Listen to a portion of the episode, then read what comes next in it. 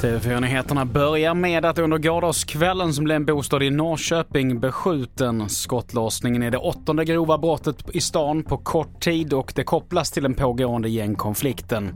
En stor insats inleddes av polisen under fredagsmorgonen men än så länge så har man inte kunnat gripa någon misstänkt gärningsperson. Vidare till Slovakien där i slutet på september så är det val och det kan betyda att den före detta premiärministern Robert Fisko återvänder till makten. Fisko tvingades avgå för fem år sedan efter att en journalist som utredde korruption mördades. Men nu har han alltså starkt stöd igen. Ja, ett val i Slovakien kanske inte låter så viktigt, men om Ficos socialdemokratiska smärparti här vinner valet, ja då blir det ett land till inom EU och inom NATO som är motståndare till att skicka vapen till Ukraina.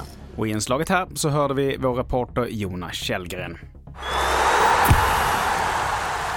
Till sist, nattens VM-match mellan Sveriges grupprivaler Sydafrika och Argentina slutade oavgjort 2-2. Det innebär att Sverige är klara för åttondelsfinal om man besegrar Italien imorgon lördag. Fler nyheter hittar du på tv4.se. Jag heter Mattias Nordgren.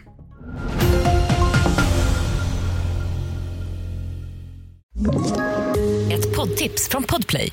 I podden Något Kaiko garanterar östgötarna Brutti och jag, Davva, dig en stor dos skratt. Där följer jag pladask för köttätandet igen. Man är lite som en jävla vampyr. Man har fått lite blodsmak och då måste man ha mer.